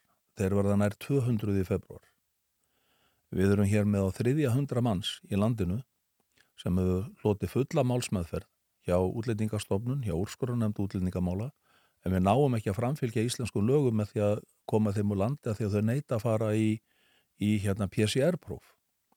Það gefur auga leið að það, á þriðja hundra manns þarna þau teppa auðvitað aðstöð og húsnæði sem við þurf, þurfum bara fyrir það fólk sem er að koma hér inn uh, á sömu forsendum. Þá er ég ekki að vitna í úgrænum menn, sko. það er bara annar, annar mál. Ég er bara að vitna í það fólk sem er að koma hérna 200, 8200 manns í februar og útlendingastofnun segir bara við okkur uh, og er búin að segja lengi um leið og COVID ástandinu léttir, skilir honum léttir, þá munum við fá holskeflu yfir okkur og það er að ganga eftir. Það er þetta sem ég óttast og, uh, og á einhverjum tíma sko erum við nánast full bókuð. Ég meina það var verið að taka heilt hótel í Hafnafyrði uh, á leigu núna til þess að sinna þessum verkefnum. Uh, við erum, uh, það er þeir sem eru að sinna þessu bæði hjá þá væntalega félagsbálaráðundun og einst hjá útlendingastofnun, þeir eru bara alla daga leitandi ljósum logum að húsnæði. Gefur auðvitað þetta fólk þar húsnæði, við veitum alveg hvernig húsnæðismarkaðurinn er hérna. Þannig að sko ég lýsi áhyggjum af þessu ástandi og við það verður auðvitað ekki unað að fólk sem hefur komið hér inn til landsins, hefur fengið fulla málsmeðferð, hefur ekki rétt, rétt á því að, að hljóta hér vend, samkvæmt íslensku lögum og þarf að fara tilbaka en er hér áfram í félagsþjónustu, talsbánaþjónustu og teppir húsnaðu aðstöðu. Svo er þetta rifið allt úr samingi náttúrulega einhverjum pólitískum anstæðingum sem að fara að ruggla þessu öllu saman sko, en það er svo sem ekki óþekkt uh, óþekkt að bakstur sko. Mm. En, en þýðir það að þínum að, að þegar við fyrir að tök, taka móti úkrænumönnum að við tökum móti færri einstaklingum frá, frá miðausturlundum og norðanverðri Afriku til að mynda? Hefur, hefur ekkert með flóttamenn frá Úkræn að gera, við munum þetta leys, reyna að leysa þau mál og, og taka bara þar sko þátt uh, með okkar bandalagsþjóðum og þann kvóta þá eða þann fjölda sem að, sem að við munum geta tekið á móti og ráði við og við höfum áður stíði stærri skrefi því heldur en aðra þjóði til dæmis gagvart flóttamönnum frá Afganistan. Og uh, á sínum tíma uh, í, í svona stríðum, minnir stríðum sem voru í Evrópulöndum. Þannig að við erum ekkert að fara að gefa nefn afslátt á einhverju slíku. Nei. ég er bara að vekja aðtigli á þessari alvarlegu stöðu. Og ég er að koma fram með vonandi næja kynna í næstu viku í ríkistjórn nýtt útlendingafrumvar sem að mun svona leysa þessi brínu mál fyrir okkur Mm. en það verður líka hún lætur umdelt og mun taka einhver tíma í þingjuna að hverja það Já, já, við, við rættum með mitt við steinunni Þórðardóttir formann Læknafélags Íslands sem sagði að sko ef frumvarpið verða lögum séu læknar settir í mjög erfa stöðu og þurfur hreinlega að velja mitt þess að fylgja landslögum eða farað alþjóðlögum síðareglum lækna. Já, ég uh, tók líka eftir þessu sko og já, það er uh, ég hef heilt svo sem önnur viðþór frá öðrum læknum Mm. það sem að hér er um að ræða uh, fyrst og fremst er að geta fengið heimil til þess að fólk fari í PCR-próf og við, við þekkjum það öll að hafa farið í PCR-próf þar sem drekin svona eirnapinnu upp í nefið á okkur og tekið síni og uh, telst nú kannski ekki stórt yngripp. Allt þetta fólk þurft að fara í PCR-próf þegar það kom til landsins og gerði það átölu löst. Uh, nú ef einhver er tekin undir áhrifum fíknefna eða ölfunar við akstur að þá er uh, ákvæði lögum um það að það er að skilda hann til þess að fara í blóðpröfu. Læknar framfæma þá blóðpröfu. Það er auðvitað stærra yngripp, stinga náli fólk og, og sækja blóðpröfu. Þannig að ég svona uh, átta mikið alveg á þessu en, en hérna auðvitað er, lítur það alltaf að verða vallækna hvort að þeir taka þátt í hinn og þess og telja þessu að ganga á svig við þann eð sem þeir hafa unnið, það verður að vera þeirra mat en, en ég held að það verð ekki einhver vandræðagangur í því að, að fá fólk til þess að, að taka þessi eins og þessi PCR-próf og eitthvað slíkt sko. ég, endað, sko, það eru önnur lönd búin að innleiða þessar reglur og það eru önnur lönd núna í Evrópu með sagt, uh, í farveginum með að innleiða uh, þessa reglu að það sé hægt að skilda fólk til að fara í lækniskoðun. Þar sem að þetta er komið í gang að reynir ekkert á þetta. Algjörum undæklingatilfell. Það er raun bara uh, forsendan fyrir því að geta skilda fólk til að fara í þetta. Hún er alveg nóg til þess að fólk klári það. Ef við snúum okkur aðeins aftur að Úgrænu og flótta fólki þaðan, þú talar um að, að það sé þegar þurfa að skipulegja þetta og, og vinna í þessu. Höfum við eh, þann tíma? Þarf þetta ekki að gerast rætt? Jú, jú. Og það er ástæðan fyrir því að þessi neyðarfundur ráþæra landamærarna var bóðaður um helgina. Hann var bara bóðaður setnipartin á föstudag Mm. og var haldinn á sunnudag. Og það var mjög góð mæting allstaða frá. Við vorum til að mynda allir ráþæra Norðurlandana mættir þarna og, uh, og hérna það er ástæði fyrir því að það verða að funda aftur á fimmtudaginn. Í sama hópu og raun í stærri hópi. Mm. það er að því að menn þurfa að vinna við þurfum að vinna hratt í þessu en við þurfum að gera það með skipulögðum hætti. Og, uh, og hérna það eru þjóðir þegar farnar að bregðast við til að hjálpa þessum landamæra þjóðum sem er að taka móti fyrstu bylgjunni með því að senda til þeirra bæði gogn og mannskap. Og uh, ég sé möguleika á því að við ættum að geta brúðist við hratt þar líka. Og, og síðan uh, kemur þá að því að, að, að hefja skipulegan flutning á þessu fólki til annara landa frá þessum landamæralöndum. Eitthvað af þessu fólki kemur sér áfram sjálft og er þið fréttir að því til að myndi ekki æra. Það var, það var þó nokkuð mikill fjöldi sem að var að koma til Danmörkur og var þaðan á leið til annar á Norðurlanda. Eitthvað af þessu fólki er þannig að ferðast innan Evrópu eftir að það komið inn og koma sér á áfangastað oft er fólku auðvitað að leita til ætt- ættingja og vina sem að fjöl, fjölmargir víða og meðal hans hér á landi en síðan þarf þetta að gerast með skipulöðum hætti og, og það er verið að vinna hratt í því Mm Það er alltaf ekki láta á þessum átökum og, og rússar ennað herja á höfuborgina kænugarð. Tilur að við ættum að ganga já, enn lengra í viðskiptaþingunum gagvart Rúslandi? Eh, Ég eh, svo sem átta mikið alveg á því. Ég hef meira verið svona einbytta mér að þessum málum sem að snúa mér sem landamarar á þeirra og, og, og sem sagt almannavarnar á þeirra landsins. Og uh, hitt hefur kannski meira verið á borði utarikisráð þeirra. Uh, mér sýnist þetta nú verið að fara að býta, hansi duglega. Og uh, ég gerir ráð fyrir því að, að menn muni halda áfram að skoða frekari uh, útvíkanir á því ef að þeir meta stöðuna þannig ef menn komast ekki að samningaborðinu til að reis, leysa þetta sem að auðvitað, við börum öll vonir til að verði Eh, það sem að vekur einni aðtegli mína er auðvitað að mjög margar Evrópu þjóðir eru þegar fartar að senda mikið að herrgóknum til landamæralandana og koma því inn í Úgrænu til að styrkja henni þar og jafnvel orustu þóttur og annað. Og uh, það hefur verið heimilað meðal annars að þjóðverum og þjóðverður eru þáttakandur í því. Kom fram á þessum fundum um helgina að, að þjóðir eru farnar að, að í auknum mæli, Evrópu þjóðir, að, að horfa til þess að, að styðja við við hérna Úgrænumenn með herrgóknum og við sjáum meðal hans að Norðurlöndin er ekki þar undarskili að finnar er að stíga þau skref núna. Þannig að uh, það verður áhugavert að fylgjast með því hvernig þróunum verður í þeim efnum, þetta er orðin svona óbein þáttaka náttúrulega í, í þessu stríði Já, já. svo ógeðfelda stríði en auðvitað vona maður það að það verði einhvern veginn með öllum ráðum hægt að ná mönnum þannig að samningaborðinu og, og uh, reyna að leysa þetta uh, að minnst að stöðva þessar hörmungar og komist á eitthvað vopnali þannig að það þetta setjast niður og ræða hlutin á skynsemi en, en það er svo sem ekki eftir að vera mjög bjarsýtn í ljósi svona því hvernig þetta er að þróast við miður. Já, en hvenær gerur það fyrir því að, að íslensk stjórnvöld tækja móti fyrstu ukrainsku flótamennunum?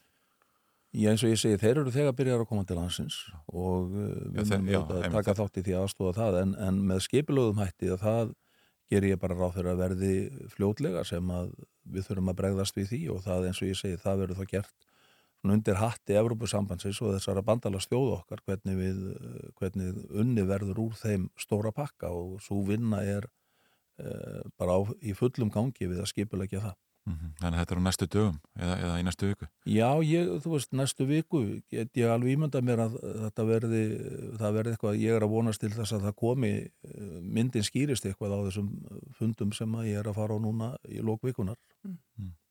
Jón Gunnarsson, dómsmálur á þeirra þakka fyrir að kominga og ræða við okkur í morgunútarpinu og við höfum alltaf heldum áfram að að fylgjast með þessi máli hér og annar staðar. Jú, jú, en næst förum við í smá tónlist og ætlum að heyra hér í sálun hans Jónsmins getur verið.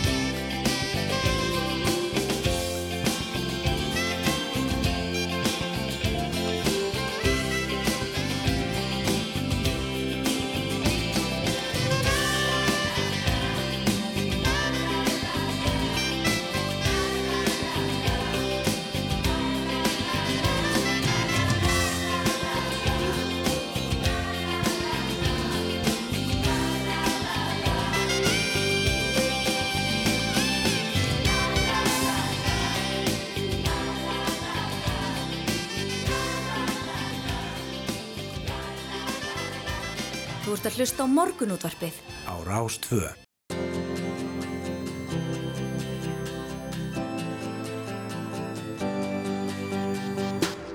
Þú ert að hlusta á morgunútvarpið á Rástvö.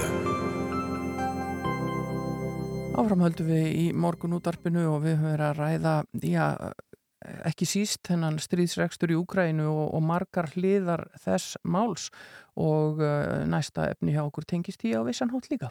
Jú, jú, stjórn knastbjörnsambands Íslands ákvaði í gær að ekkert knastbjörnu landslið leiki við landslið fara á Rúslandi meðan og hernaði rúsa stendur og þá munir landslið Íslands ekki leika á heimavelli Kvítarúslands. Og Vanda Sigurgestóttir, formaður KSI er komin á línuna, góðan daginn. Góðan daginn. Lá alltaf fyrir að, að, að ráðist yrði í þessar aðgerðir?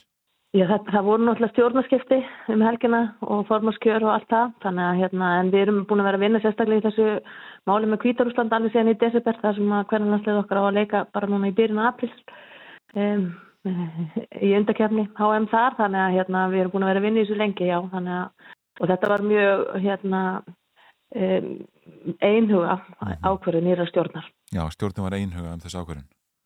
Já. Já, já, einmitt. Hvaða áhrif hefur það að, að sko, spila ekki við, við Rúsland og ekki e, á, á leikvöngum í Kvítarúslandi? E, það eru einhverju leikir framöndan, ekki satt?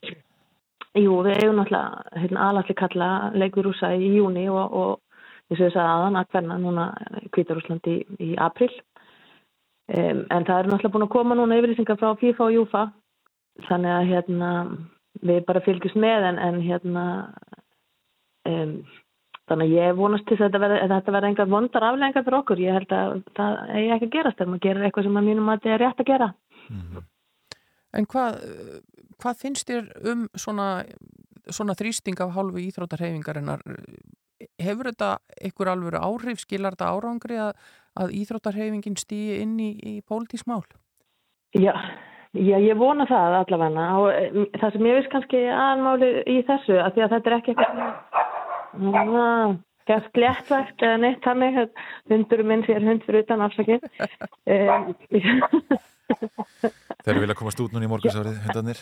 Já, það er bara þannig en hérna, sko já, þetta er að sjálfsög ekkert léttvægt mér finnst mjög mikið að tala um það sérstaklega en það sem ég finnst kannski líka í þessu þetta er stuðningur við úgrænu þetta er, þetta er náttúrulega, við erum að fordama það sem er í gangi en við erum náttúrulega líka að að sína stuðning við fólki í Úgræna. Mér finnst það mjög mikilvægt að allt því að samfélagi að gera það sem mér finnst nú að, hafa, einmitt verið það sem hefur verið að gerast í bæði ítrútinnar og, og bara allir aðrir.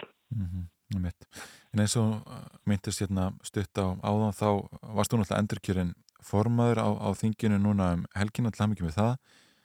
Takk fyrir kjærlega. Eh, hvernig blasa niðurstöðnar við þér?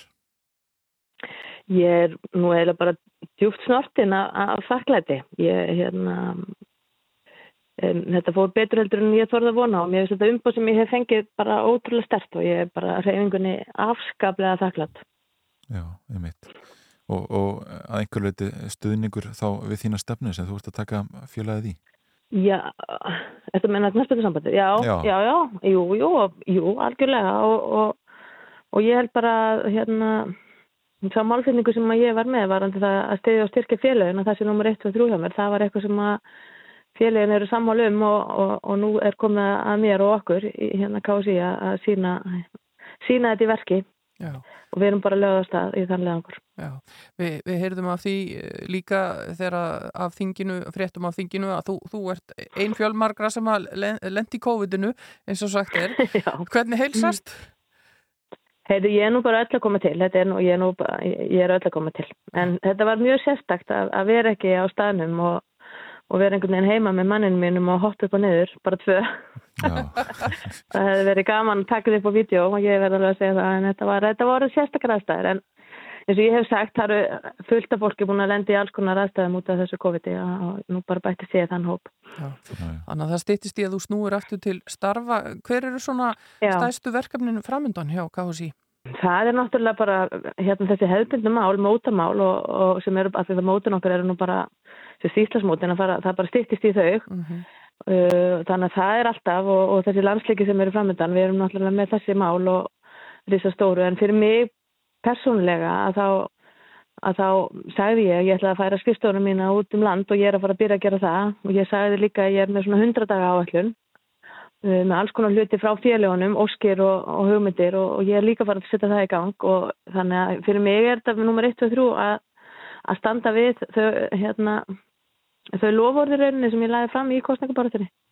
En, hérna, en annars erum við bara mjög í sko, þú veist, bjart sín og jákvæð finnst mér vera varðandi það sem framöndan er og, og hérna, og erum bara höldum einhvern veginn ótröð inn í þetta tífambil sem er að fara að byrja og, og náttúrulega jákvæmt fyrir okkur að, að, hérna með COVID að það er nú ekki hægt að segja hana því að þetta er búið að vera tvö mjög erfið ár bæði fyrir KSI og ekki síst fyrir félagin Mm. þannig að við getum ekki annað heldur en að vera hérna, jákvæð út af því. Já, já, ég held að þetta sé ágætt lokaorð. Vanda Sigurgestóttir, formaður KSI Takk fyrir að spjalla okkur í morgun út af spilnu Það var ekki neitt, takk fyrir mig Og við ætlum aðeins að ræða tæknimálin hér eftir smá Já, Guðmundur Jóhansson, tæknitröll er að koma sér fyrir hérna hjá okkur en uh, heyrum hér uh, gamlan og góðan smell með hljómsettinni Fleetwood Mac á meðan að hann kemur sér inn. Þetta heitir Everywhere.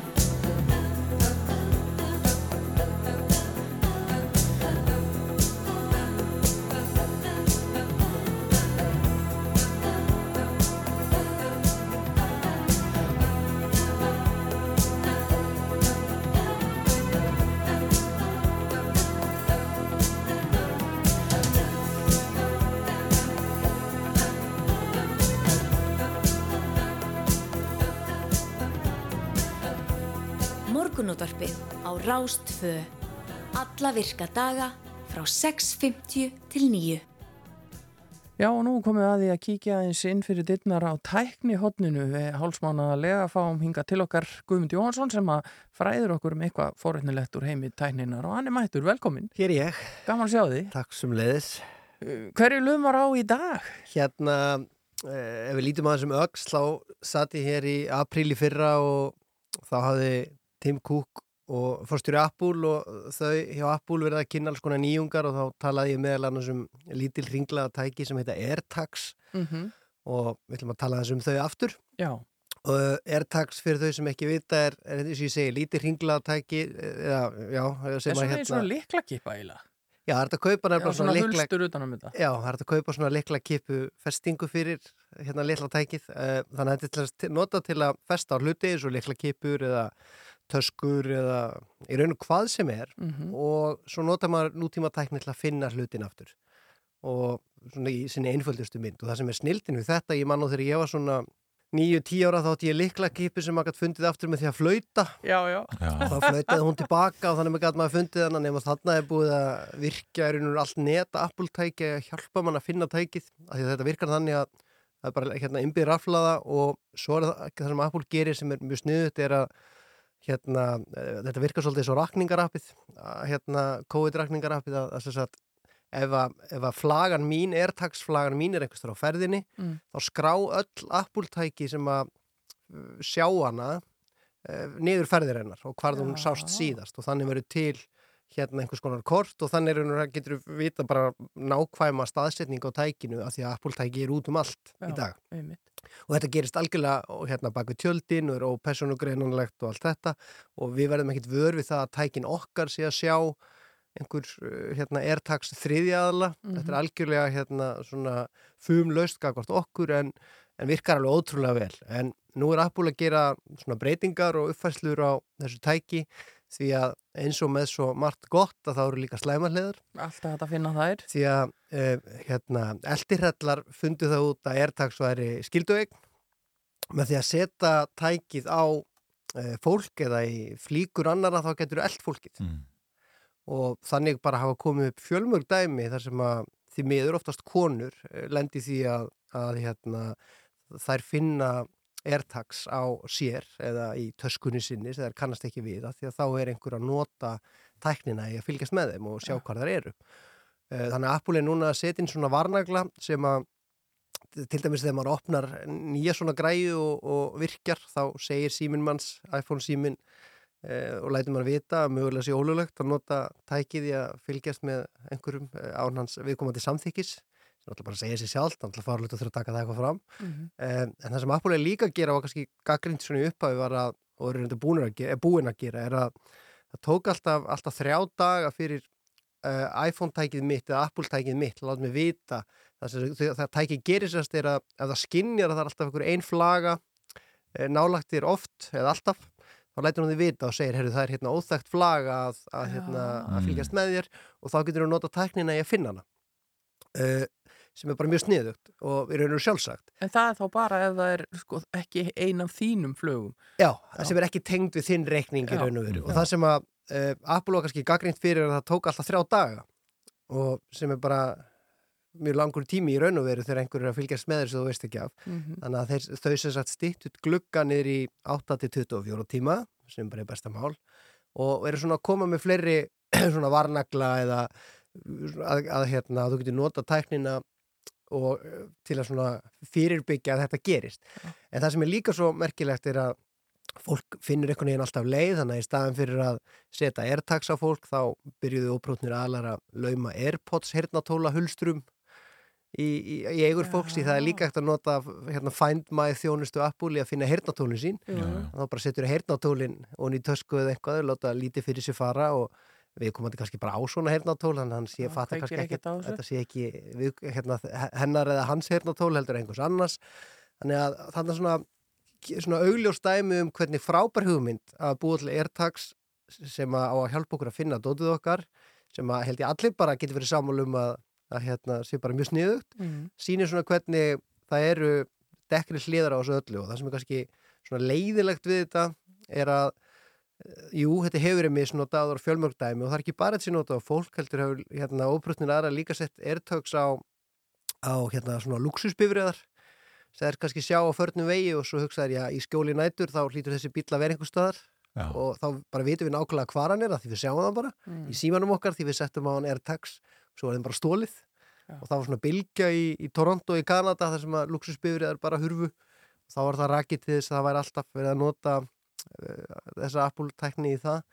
Uh, en það sem er kannski eins og ég segi kvimleitt við þetta eru þetta, jú, það er hægt búið að misnota þetta en Apple er klálega að laga þjónustuna en kannski finnst mörgum aðeins og seint. Sérstaklega það sem að fjölmörg samtök bæði sem að snúa að neturiki og persónuvend höfðu vara við þegar að tæki var bara strax í upphafi þegar að tæki var kynnt. Mm. þetta myndi mögulega gerast og þannig var raunverulega hætta á að bara lífi fólks reynilega væri sett í hættu með því að eldirhellar eða einhverjir getur misnota tækninu með þessum hætti og Mhm. Apple því miður gerði lítið sem ekkert, uppfærið einhverja leiðbynningar og alls konar svoleiðis og reyndi svo sem einhvað en kannski gekk ekki nógu langt sem er kannski kvimleitt því að síðast yfir tvö ár og við höfum oft talað um hér er svona hvernig Apple hefur sett sér þá stöðu að vera uh, hérna flagberi persónuvendar á tækniöld þegar öll þessi fjölmörgu stórfyrirtæki sem við erum alltaf að tala um. Uh, mikið til er að sísla með gögn um okkur og, og hérna, vilja vita sem og þurfa að vita sem mest um okkur. Mhm. það var Apple svona svolítið tekið þá afstöðu að svona þegar það hendar þeim kannski að, að þau séu flagskip persónuvendar í þessum tækni heimi og passi raunverulega upp á okkur og hafa miskunnulust skotið á samkefnisalana þegar aftur þegar það hendar þeim en þannig eru þau svolítið gripin í bólunu að hafa ekki hugsað hlutina alla leið og kannski eru þá öll þessi lofurðum hérna öryggi persónuvendar eða hvað þeim er andum persónuvend okkar notendana ekki alltaf hérna heil þau lofurð að því að svo er það líka komið í ljós kannski ef við tek svona örstutt að beigju er að Apple tilkynnti fyrir ekkit svo löngu síðan hvernig hérna stýrikerfið í iPhone símum er að uh, blokka eða læsa úti það sem við kallum uh, hérna það sem er verið að fylgjast með okkur á netinu Já. og kannski nota því að selja okkur auglýsingar þannig að ef maður fór á heimasíðu sem selja jókadínu og þá kemur auglýsing á Facebook eða Instagram með jókadínum Mhm. svona frekar einfalt og það sem Apple hefur verið að gera er að loka á þetta en það sem maður kannski vandar þá í og það hljómar allt mjög vel, þannig verið að hugsa um okkur og Já. persónuvendu okkar og við höfum þá bara val, vil ég leifa að fylgjast með mér eða ekki Mhm. en það sem að fólk fattar þá ekki er að einhver hlýtur þá að græða á þessu að því að ekki eru það þá auðlýsendurnir eða samkefnisalar Apple, heldur, jú, það eru Apple sjálf því að þau reyka líka sína eigin auðlýsingaþjónustu Já. og öll þessi, allar þessar læsingar hún á ekki við um þeirra auðlýsingakerfi Nei. hún á bara við um kerfi annara Mm. þannig að það er alltaf einhver sem græðir í endan Jú, jú. þannig ég held, en svo, já, það var annars ég ætla líka að segja að ég vildi ekki gleyma ef einhver verður smegur eða smeg við að heyra að ég sé að segja það segt að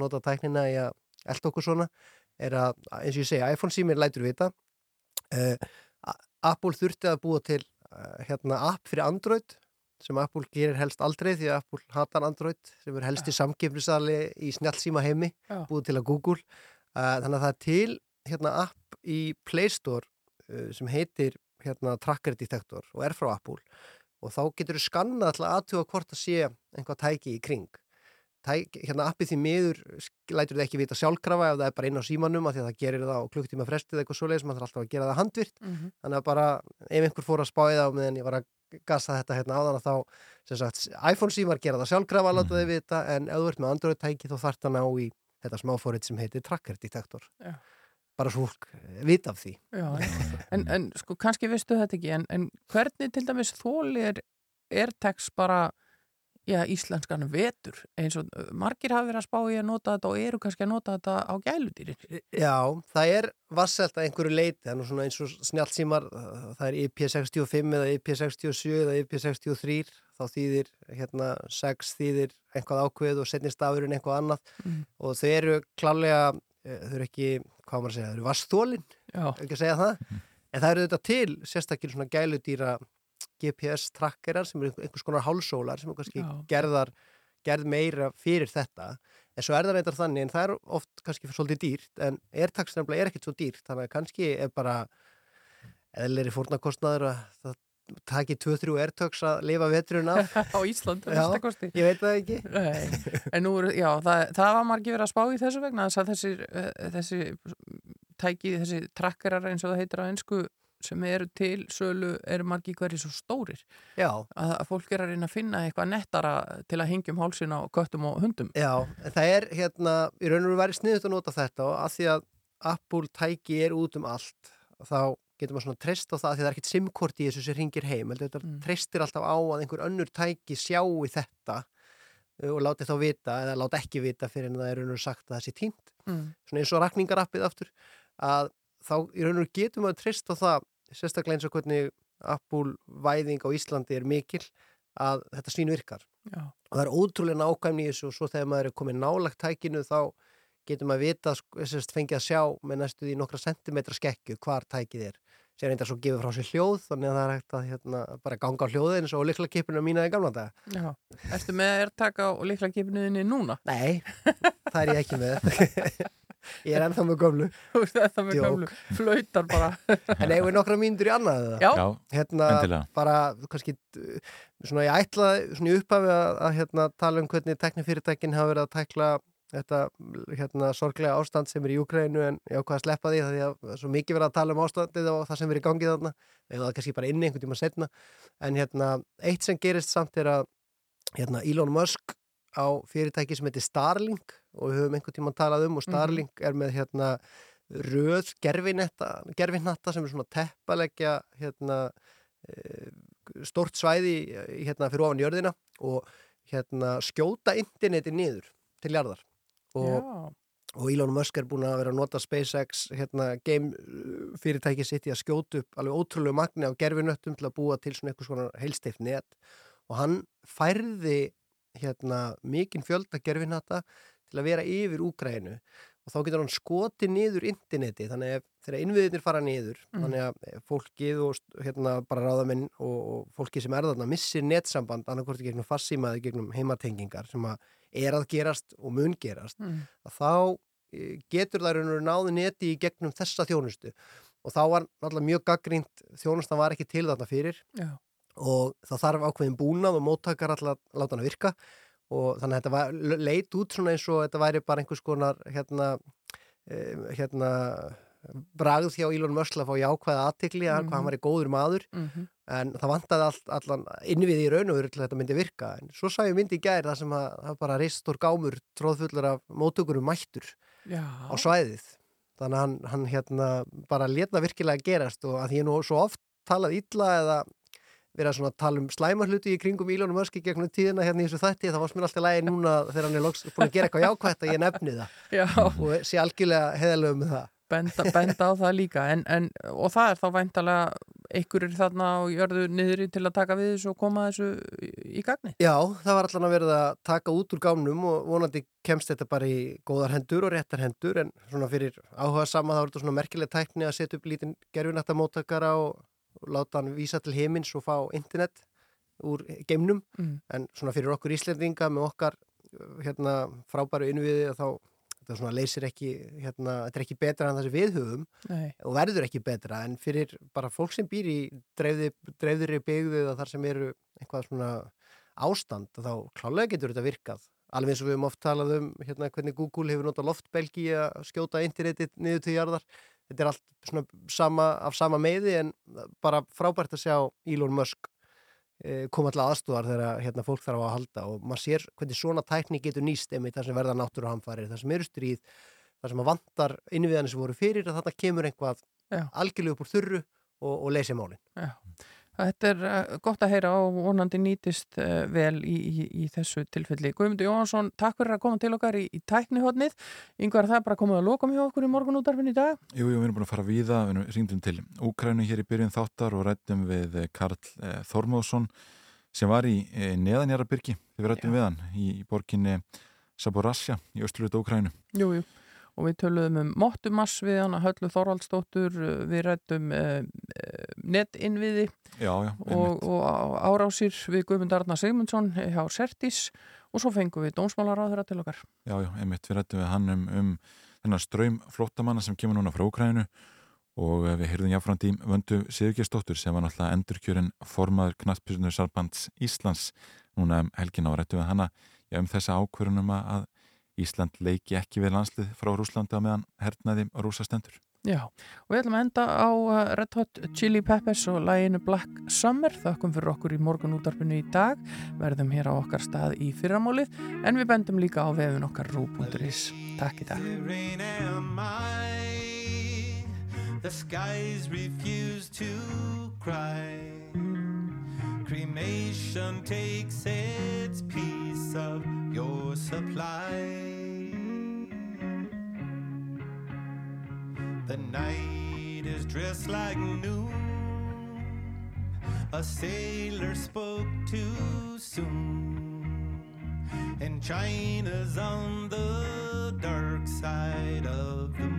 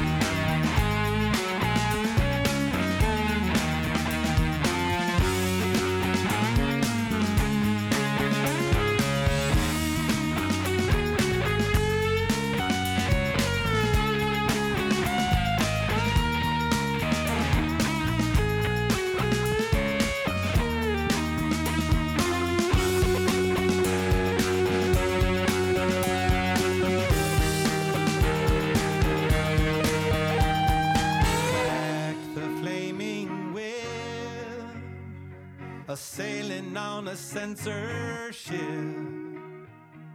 riding on a headless horse to make the trip.